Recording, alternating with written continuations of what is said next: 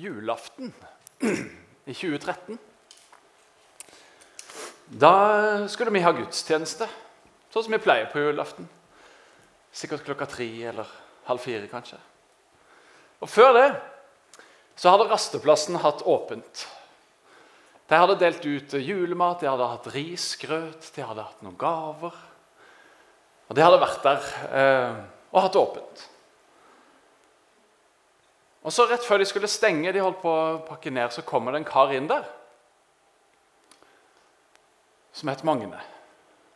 Og Han hadde ikke noe sted å være i jula. Han visste ikke hvor han skulle feire julaftenen. Det eneste han visste, var at han ikke skulle gå hjem til familien sin, for eh, da fikk i hvert fall lillebroren en god jul. Og Han eh, visste ikke hvor han skulle bo i jula. Og Kommunen hadde sagt at over nyttår da skal vi fikse et sted til han. Og Karin Haugnes, som er leder for rasteplassen, hun sto der og holdt på å rydde sammen og hadde vært på rasteplassen den dagen og ble stående sammen med mange og prate med han og fikk høre dette her. Og Da ringer Karin til kommunen og så sier hun at jeg går ikke herfra før dere har funnet et sted til han. Ja, men det er jo julaften. Ja, jeg går ikke herfra før dere har funnet et sted til han.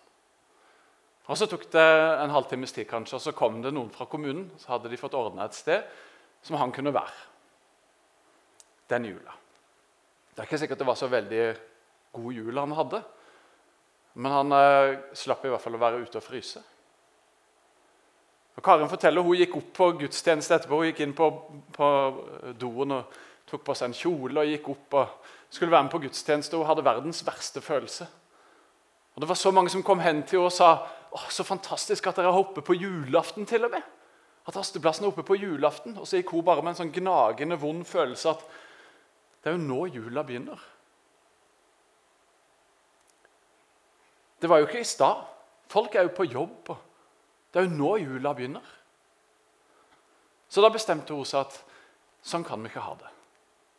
Så ringte hun til noen gode venner. og så Fra 2014, julaften 2014 så hadde det blitt arrangert julaftenfeiring hvert år i våre lokaler som et samarbeid mellom mange i byen. Og Sånn er det i år òg. Og det er mange som får gleden av å feire julaften her. Som slipper å feire alene, eller som ikke vet åssen de skal feire. Og det begynte med den ene som kom der den gangen. Det var han ene det begynte med. Og så har det blitt til velsignelse for mange. Og Forrige søndag så talte Dagfinn Høybråten om den ene.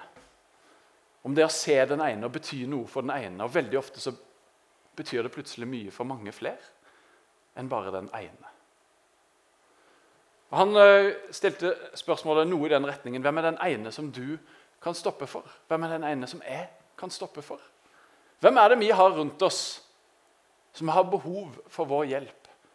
Som vi kan være til glede for, som vi kan bety noe for, som vi kan utgjøre en forskjell for? Det var utfordringa han ga oss sist. og Det er på en måte egentlig utfordringa som vi har lyst til å gi oss og hverandre gjennom hele advent. Og Det gjelder egentlig ikke bare i år, men det gjelder hvert eneste år. Vi har det samme fokuset hvert år i advent. egentlig. Hvordan kan vi se utover oss sjøl? Hvordan kan vi bety noe for noen som trenger det mer enn oss sjøl? I år har vi valgt historien om den barmhjertige samaritan. Mange av dere har sikkert hørt den veldig mange ganger før. og dere skal få lov å høre den enda en gang nå. Og Den kommer opp på veggen òg, så dere kan være med å lese. Men den står i Lukas 10, vers 25-37, hvis du har lyst til å finne fram Bibelen. hvis du har med den.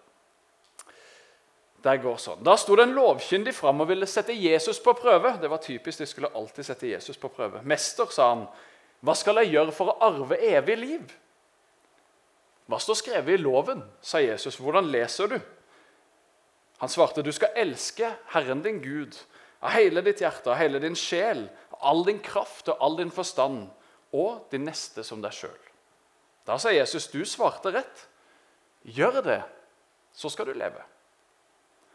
Men han ville rettferdiggjøre seg sjøl og spurte, 'Hvem er så min neste?' Jesus tok dette opp og sa, 'En mann var på vei fra Jerusalem ned til Jeriko.' Da falt han i hendene på røvere. De reiv klærne av han, skamslo han og lot han ligge der halvdød. Nå traff det seg slik at en prest kom samme vei. Han så han, men gikk utenom og forbi. Det samme gjorde en levitt. Han kom, så mannen og gikk rett forbi. Men en samaritan som var på reise, kom òg dit hvor han lå. og Da han fikk se han, fikk han inderlig medfølelse med han. Han gikk bort til han helte olje og vin på såret hans og forbandt dem. Så løfta han mannen opp på eselet sitt og tok han med til et herberg og pleia han. Neste morgen tok han fram to denarer, ga de til verten og sa, 'Sørg godt for han, og må du legge ut mer, skal jeg betale deg når jeg kommer tilbake.' Hvem av disse tre syns du nå viste seg som en neste for han som ble overfalt av røvere? Han svarte, 'Den som viste barmhjertighet mot ham.' Da sa Jesus, 'Gå du og gjør som han.' Denne lovkyndige som stiller spørsmålet, han blir spurt av Jesus etter at Jesus har delt denne historien. Hvem syns du oppførte seg som en neste? Hvem syns du gjorde det rette? Og Det er veldig lett å få øye på i denne historien. Det var veldig lett å få øye på for denne lovkyndige. Det var selvfølgelig han samaritanen, den siste som kom, han som hjalp. Veldig veldig lett for oss å få øye på i denne fortellingen. Ingenting spesielt revolusjonerende med det. Men da er spørsmålet mitt hvorfor er det så utrolig vanskelig for oss å gjøre sånn som samaritanen i praksis? Hvorfor er vi så veldig ofte som de andre? Som presten og levitten? Temaet for i dag er de andre. Kanskje noen har klødd seg og lurt på hvem det er. Jo, det er presten og levitten. Det er alle de andre. Ikke oss sjøl. Men det er veldig lett å se hvem som gjør det rette, hva som er det rette å gjøre. Og så er det så veldig lett å bare være som de andre, som ikke gjør noe, som går rett forbi. Og Hvorfor er det sånn? Hvorfor går vi forbi mennesker som trenger vår hjelp? Jeg har lyst til å gruble litt over i dag og komme med noen forslag til eh, svar på det.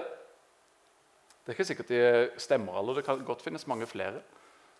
Men jeg tror noen av de er riktige. I. Vi kan begynne med presten, da, den første som kommer. Det står at presten han gikk utenom og forbi han når han så. Og presten, da, han, Vi vet egentlig ikke om han var på vei til eller fra tempelet. Tempelet lå i Jerusalem, og så var det vei ned til Jeriko. Men det står at han kom samme vei. og Han eh, som ble tatt, han var jo på vei fra Jerusalem til Jeriko. Så kanskje presten hadde vært i tempelet og gjort noe der. Uansett så har presten kanskje dårlig tid. Det er veldig lett for oss mennesker å finne unnskyldninger. Og Det opplever jeg at presten og levitten gjør her òg. Og det opplever jeg at jeg kan gjøre mitt liv mange ganger. Og det tipper jeg at det gjelder for oss andre. Når vi ikke hjelper de som kan trenge oss, eller ikke gjør noe og forsøker å finne noen som kan trenge vår hjelp, så er det veldig lett å finne gode unnskyldninger. Eller dårlige unnskyldninger. for den saks skyld. Det er lett å finne unnskyldninger i hvert fall. Og presten han har kanskje dårlig tid, så han skyndte seg litt forbi. Jeg har veldig ofte dårlig tid. Jeg har en lei tendens til å komme akkurat når noe starter, eller et par minutter etterpå. Eh, veldig sjelden før. Og Det gjør at en ofte har dårlig tid. Og så er det typisk, ikke sant? La oss si jeg skal til kirka. Tenk litt som presten. Eh, la oss si at han var på vei til tempelet. Så er jeg på vei til kirka, og så står det en bil i grøfta med nødlysa på. Og så bare kjører jeg forbi, liksom, for jeg må jo rekke det der viktige jeg skal i kirka istedenfor å stoppe hos den som trenger min hjelp, og som jeg kunne vært til hjelp for. Veldig banalt og kjedelig eksempel, egentlig. Eh, men veldig hverdagslig og vanlig. Og Jeg har ikke tall på hvor mange biler jeg har kjørt forbi som har stått med nødblinken på. Og Hver gang etterpå så har jeg tenkt åh, jeg burde ha stoppa for den bilen. Og så altfor ofte så gjør jeg det ikke. Det er jo litt sånn sammenlignbart med den historien, bortsett fra at uh, hvis det er en sånn skikkelig krasj og ulykke, da, så må han jo stoppe. Men uansett greia at ofte så har vi liksom noe viktigere vi må rekke. da. Vi har ikke tid til å stoppe for den ene, for vi skal jo rekke noe annet. Vi har så dårlig tid og lever på en sånn måte som i hvert fall jeg gjør. da. Og jeg tror ikke jeg er alene om det i vårt samfunn. At vi hele tida skal rekke noe. At vi stadig vekk har dårlig tid. Vi skal være så effektive. Og det er jo en hindring, noe som gjør det veldig mye vanskeligere for oss å stoppe opp og ha tid til å stoppe hos den ene som trenger oss. Så det tenker jeg det er en ting, det er en dårlig tid. En annen ting som kan være med den presten her, det står at han gikk utenom og forbi. Han trekker seg litt vekk. Og Det kan være at eh, presten rett og slett var redd for å bli smitta. Det var nemlig sånn og er sånn i eh, jødisk eh, lov, i Moselovene, at hvis du tar på et dødt menneske eller noe som er dødt, så blir du urein. Og Som prest så kan du da ikke tjenestegjøre i tempelet hvis du har blitt urein. Da må du gå gjennom en sånn renseshandling. og sånn. Så kanskje det var det han tenkte. og jeg må ikke, Tenk hvis han er død. Det står at han var halvdød, men det er jo ikke alltid godt å vite. Så at han ikke tørte å gå hen og nærme seg og ta på han og sjekke pulsen, f.eks. For, eksempel, for da har det jo blitt urein hvis han da var død. Ah, søren heller, altså, Der røyk den uka i tempelet, gitt. Eh, det kan godt være at det var noe i den duren. Hvem vet? Og I vår tid så er det jo mange som kan være redd for å bli smitta. Av forskjellige ting. Så vi kan ikke hjelpe noen fordi vi er redd for å bli smitta sjøl av det som de er syke med, eller hva det skulle være. Så det kan jo være noe vi kan kjenne oss igjen i. En ting som er veldig interessant da, akkurat knytta til det, det er de første kristne som levde. De ble kjent nettopp fordi at de overså faren for å bli smitta sjøl av dødelige sykdommer, av farlige ting, for å hjelpe andre. Når det brøt ut pest og fæle ting så mange døde, og folk flykta fra byen, så ble de kristne igjen. Og så tok de seg av de som var blitt syke og leid, sånn at de kunne dø på en verdig måte. Og Veldig ofte så ble de kristne sjøl smitta av de dødelige sykdommene og døde. Men dette ble jo veldig godt tatt imot i samfunnet rundt, så det gjorde at enda flere ble kristne. og Sånn vokste jo kristenheten fram. Men de hadde sånn, et sånn hjertelag, et sånn sinn, som gikk utover seg sjøl, og som var mer opptatt av de rundt seg. Så de var villige faktisk til å ofre sitt eget liv eller å få alvorlige sykdommer istedenfor å gå utenom og forbi. De var ikke så redd for å bli smitta. Det tror jeg mange ganger vi kan være. Å bruke som en unnskyldning for ikke å gå nær til noen eller hjelpe noen. Kanskje vi er redde for å bli syke, kanskje vi er redde for å bli påvirka så at ikke det er å bli fysisk syk, men nei, jeg tør ikke å nærme meg den personen eller den gruppe mennesker, for jeg er redd for å bli påvirka for å begynne å ligne på de eller bli som de, og det har jeg ikke noe lyst til, for jeg syns ikke noe om den måten de er på. eller. Det fins ulike måter å bli smitta på eller å være redd for. Så kanskje det er noe av unnskyldningene som vi bruker for å ikke hjelpe. Så er det levitten, da. Og Kanskje du lurer på hva i heiteste er en levitt? Det er jo ikke sånn ord som vi bruker. Og Levitter de hadde tjeneste, de var sånn tempeltjenere. Så de gjorde masse forskjellig i tempelet. Praktisk arbeid. De la til rette for at uh, prestene kunne gjøre sin tjeneste, som var ofte å ofre ting. Så de liksom uh, la til rette for ofringene. Og så måtte de vaske opp etterpå og rydde. Og gjøre sånne ting. Og så hadde de òg lovsangstjeneste. Eh, så de gjorde en hel masse forskjellige ting i tempelet. Eh, veldig mange levitter i vår menighet. Masse frivillige levitter som er ute og måker snø, og som eh, legger til rette for nattverd, og som leder i lovsang, og som vasker og som styrer lyd. i det hele tatt. Så det er en levitt, da, for du som lurte på det. Og Det kan være at levitten da, han, det står at han så mannen som lå der, og så gikk han forbi. Og Dette er veldig sånn fritt tolka og tenkt ut. altså. Så det er ikke sikkert det var sånn det Men det kan tenkes at levitten ble litt nysgjerrig når han så denne stakkaren som lå halvdød i grøfta. Det er i hvert fall veldig mange i vår tid som blir veldig nysgjerrige når det har skjedd noe. Og Vi skal få opp et bilde her nå som illustrerer litt av det. Dette er tatt fra Haugesunds Avis. Dere som følger BA-desken på Instagram, har kanskje sett dette for et par dager siden. Eh, men her er det da eh, ei dame som ligger på bakken, så står det 'falt'. Og så har de stryka over navnet hennes. Slo seg kraftig på vår frelsers i formiddag. Bildet er tatt av venninnen. Og så står det foto hvem som har tatt det. Så Istedenfor å hjelpe til så er vi mer opptatt av å ta bilde eller video av det som har skjedd, og poste det. Og litt spesielt når en venninne gjør det og faktisk sender det inn til avisa i tillegg. Det synes jeg er litt sånn i overkant. Men veldig mange legger jo ut på sosiale medier. Facebook og Instagram. 'Nå har det vært ulykke sånn og sånn.' eller ja, og de, folk forteller om alvorlige ulykker. Jeg husker jeg hørte om en liten gutt tror jeg det var, på Merdø en sommerdag som holdt på å drukne på stranda. Og Det sto masse folk rundt på stranda, og ingen gjorde noe. De bare sto og så på. Lamslått, vet ikke hva de skal gjøre. Så heldigvis var det en som til slutt fikk gjort noe. og fikk redda den gutten fra å drukne. Så dette er superalvorlig. Det er ikke bare sånne morsomme tilfeller som her i Haugesund. Men det er noen av de. Og ambulansepersonell forteller om det er helt håpløst å komme fram til et ulykkessted noen ganger, for folk står i veien for å ta bilder og filme. Og er veldig nysgjerrige på det som skjer. Så, sånn er vi òg. Istedenfor å ha fokus på oi, jeg må hjelpe, så er det fokus på oi, dette kan jeg jo liksom ta bilde av og legge ut. Det blir en artig historie. Eller kanskje jeg kan til og med tjene penger hvis jeg sender det til VG. Og vi er nysgjerrige.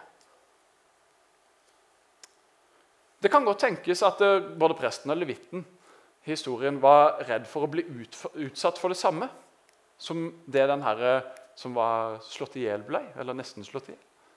At det var derfor de forta seg litt forbi. Fordi at de tenkte oi, eh, kanskje det er noen røvere til her som vi tar med. Jeg må forte meg av gårde for ikke å bli tatt sjøl. Det er jo en helt eh, ja, vanlig tanke og følelse, det. Som kan hindre oss i å hjelpe. At vi er redde for ulike ting. Eller det kan være at levitten tenkte at ah, hadde jeg bare hatt et esel, da kunne jeg ha hjulpet. Men jeg har jo ingenting med meg. Jeg går jo bare her, liksom.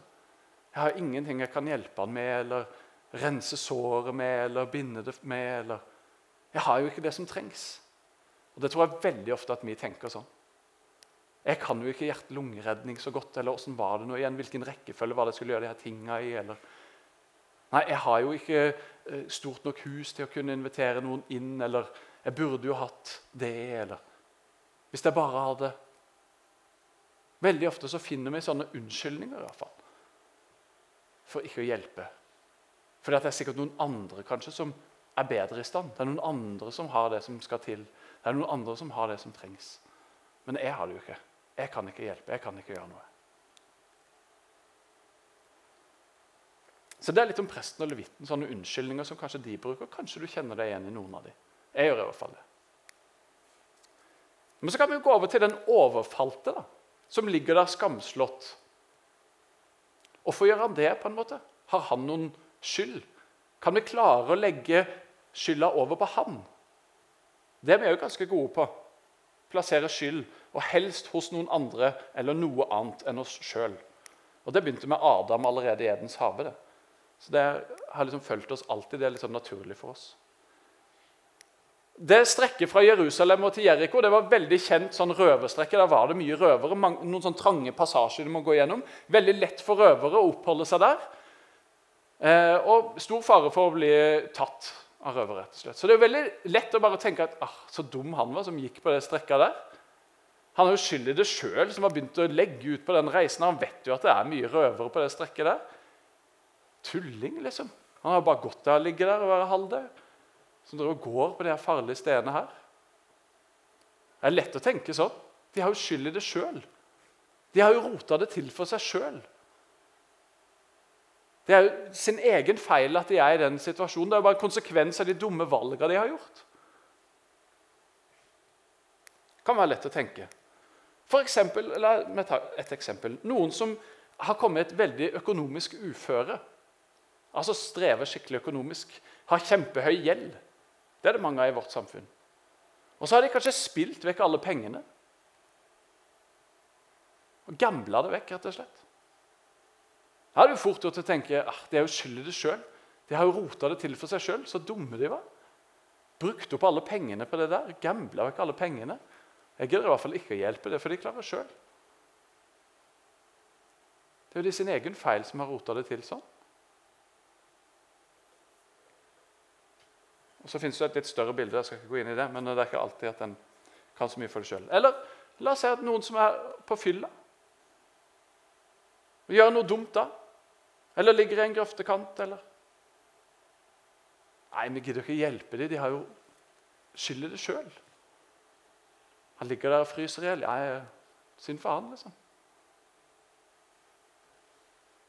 Veldig banale og i overkant dumme eksempler, men det er likevel noe som vi lett kan på en måte ta oss til å bruke det. Og På den måten så dømmer vi jo egentlig folk. De fortjener ikke vår hjelp eller er ikke verdig til vår hjelp. eller? Fordi at de har skyld i det sjøl eller de har rota det til for seg sjøl. Da setter vi oss over dem.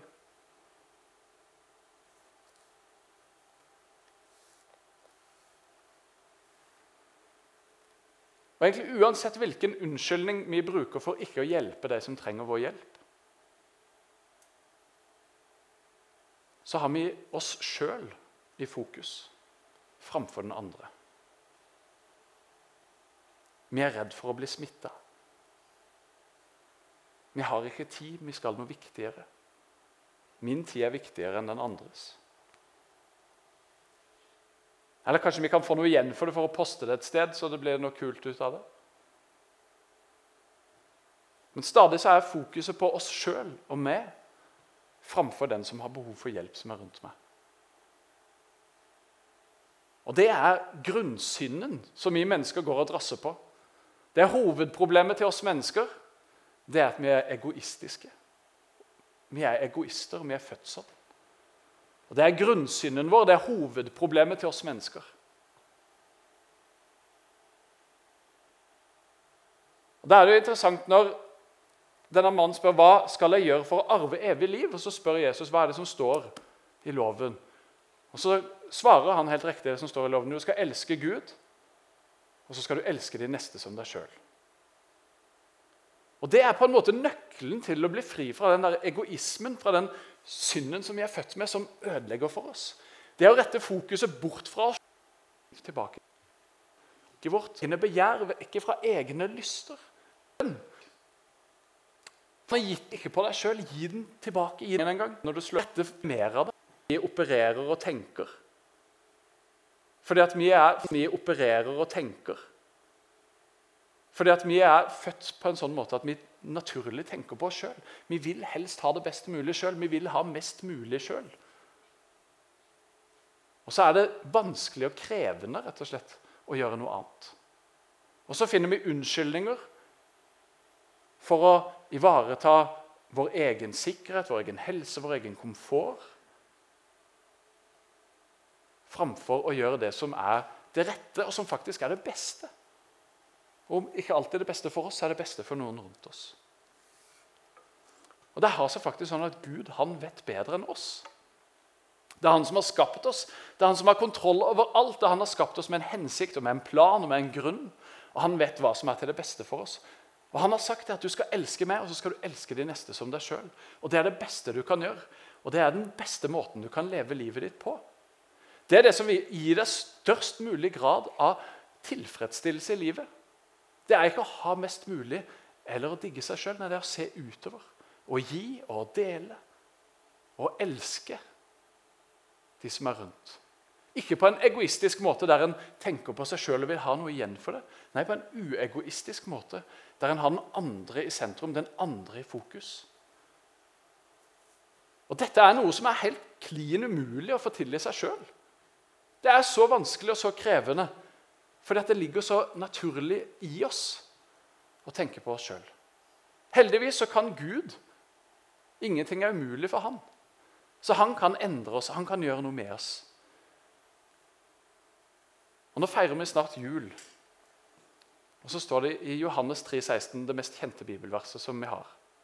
At Gud sendte sin sønn for at hver den som tror på han ikke skal gå fortapt en evig liv. Så står det i neste vers at han sendte ikke sin sønn for å dømme verden, men for at verden skulle bli frelst ved ham, for at verden skulle bli redda ved ham. Så han har ikke kommet for å dømme du og meg, for å rette pekefingeren og si at du er ikke god nok eller får det ikke til. Eller... For vi gjør jo ikke det noen. Vi får det jo ikke til.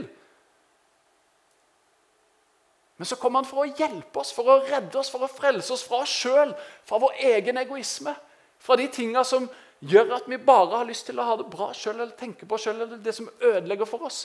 Det kommer han for å ødelegge, for å rive ned og for å gi oss frihet.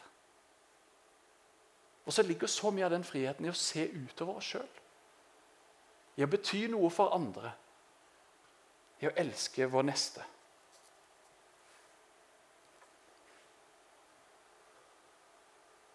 Og så er det ikke altså Han kan gjøre noe med vårt hjerte, men jeg tror faktisk at vi kan gjøre noe med dette sjøl òg. I hvert fall sette i gang prosessen. For jeg tenker sånn, ikke, La oss ikke sitte og vente til vi blir overøst med en sånn medlidenhet. Det står at den samaritanen han hadde medlidenhet når han så den som lå der. Og la oss ikke vente på at vi skal bli overøst med sånne følelser som gjør at vi bare må liksom hjelpe. Jeg tipper at samaritanen det var ikke første gangen han hadde hjulpet noen. Han hadde gjort det flere ganger. Han Han hadde kanskje begynt i det små med å hjelpe noen naboen som trengte bitte grann hjelp til å bære noe som var litt for tungt for dem. Og Så kjente han at hans hjerte ble endra av det. Og så fortsatte han å gjøre nye ting. Og Det har jeg lyst til å utfordre oss alle på. Ikke sitt og vent på de gode følelsene eller den enorme medlidenheten for å gjøre noe for noen. Hvis du har den allerede, så Gud velsigne deg, kjør på. Men kanskje du er sånn som meg, som ikke nødvendigvis får så masse medlidenhet alltid. Ved bare å dingle rundt. Men gjør noe. Bare begynn et sted. Hjelp noen. Og så er jeg overbevist om at jeg kommer til å gjøre noe med hjertet ditt, for det har gjort noe med hjertet mitt. Når en bare begynner å gjøre noe, når en hjelper noen, så gir det en sånn der, god følelse. Så gir det en sånn der, ah, Takk, Gud, at jeg kan få lov å bety noe for noen. Takk for at jeg kan få lov å hjelpe noen. Så bare begynn med å gjøre noe, for det gjør noe med det. Framfor å sitte og vente. ja, men jeg, jeg er ikke sånn som type. Jeg er ikke den der som liksom brenner så for de utstøtte eller får så medlidenhet med noen. Nei, men vi kan alle gjøre noe. Og så er jeg overbevist om at det gjør noe med oss. Så hvis ikke du husker noe annet fra i dag, så husk den setningen 'gjør noe'. Det gjør noe med det. Det er dagens utfordring og oppmuntring. La oss bare gjøre noe. Det er jo det Jesus også sier. Gå du og gjør som han. Eller før det så sier han, gjør det, så skal du leve. Det handler faktisk noe om hva vi gjør. Det å følge etter Jesus det ser ut som noe. Og Hvis du syns det er vanskelig å finne ut ja, men jeg vet ikke hva jeg skal gjøre, jeg vet ikke hvem jeg skal hjelpe Jeg har ikke peiling. Det fins ingen rundt meg som trenger hjelp. Akkurat nå i dag er det jo den letteste dagen. Det er masse snø ute. Bare finn en innkjørsel som ikke er måkt, og begynn. liksom. Veldig enkelt. Men hvis ikke du vet, så er vi så heldige at det fins noen. For det første Gud, som du kan be til. Gud, hvem kan jeg bety noe for i dag? Hvem har du satt foran meg da? Hvem er den ene som jeg kan hjelpe, som jeg kan bety noe for? Led meg, så jeg kan følge etter deg. Så jeg ikke er sånn som de andre, han presten eller levitten som bare går forbi men som er som den der samaritanen som egentlig var en ingen likte, men som allikevel stoppa opp og hjalp. Gud led meg mot de da. Og Hvis du trenger konkret og praktisk hjelp med hvem kan jeg hjelpe, så fins til stede. Som er bindeleddet mellom de som trenger hjelp, og de som ønsker å hjelpe. Til stede.no. Gå inn der, meld deg som frivillig, så får du mail om at oi, nå er det noen som trenger hjelp med det. Og I går så var jeg på et bitte lite oppdrag. Det tok kanskje en halvtime. Jeg hadde med meg Jonathan, min snart åtte år gamle sønn. Det var en mann som sitter i rullestol, som har en balkong som sin eneste rømningsvei. og Han var redd fordi at den var full av snø, og var engstelig for dette. her. Og Tok kontakt med til stede og spurte kan noen hjelpe meg med dette. her. Og Så skulle han få hjelp siden, men så hadde jo kommet masse snø. Så han trengte hjelp der og da. Og Så sa jeg greit, vi tar det. Så gikk jeg og Jonathan ned der og fant en spade som han hadde stående. og brukte 25 minutter på å hive av den snøen. Og mannen sitter og griner fordi det betyr så mye for han. Altså For han så var det det største fjellet i verden. Det var de der 20 cm med snø på den der bitte lille balkongen. Og For meg så var det en liten jobb som ikke tok spesielt lang tid. Men som det var så lett å merke hva betydde for han. For den ene. Og så var det fantastisk å se min guttunge. Hva det betydde for han å få lov å være med på det. Som egentlig sa nei, han hadde ikke noe lyst til det vi skulle gå. Men som gikk derfra og virkelig hadde fått erfare hva det betydde å hjelpe noen og bety noe for noen. Den gleden over å kunne være til velsignelse. Så hett tips. Hiv dere på til stede. Kjempelurt. Eller hjerte til hjerte. Ta med dere til hjerte, kjøp en gave. Men eh, til jul så skal det være julefeiringer. Meld deg som frivillig. Så kjøre ut julemat og julegave til noen, f.eks. Det er sånn Jula hjemme-prosjekt òg. Kjempeidé. Veldig praktisk og konkret. Så hvis du trenger hjelp, ikke vet hvem du kan hjelpe, så henvend deg til, til stedet eller rasteplassen, så får du hjelp til å være til hjelp. Og til å finne noen, og så kommer du i gang. Og så vet jeg at kjempemange av dere gjør masse av dette allerede. Og Jeg begynte en historie om Karin og 2013. Det kunne like gjerne vært en av dere andre som sitter her, for jeg kjenner historiene til mange av dere som jeg har invitert hjem på julaften, som har stoppa for den tiggeren på utsida en butikk og hjulpet den. osv., osv., osv. Vi gjør allerede masse bra. Men la oss ikke slutte med det. La oss fortsette. La oss ikke være som de andre, som bare går forbi. Men la oss være som samaritanen som stopper opp, og som hjelper, og som utgjør en forskjell.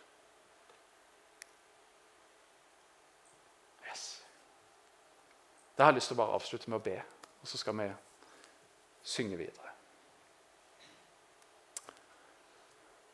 Gud, takk for at du er god, takk for at du tar imot oss.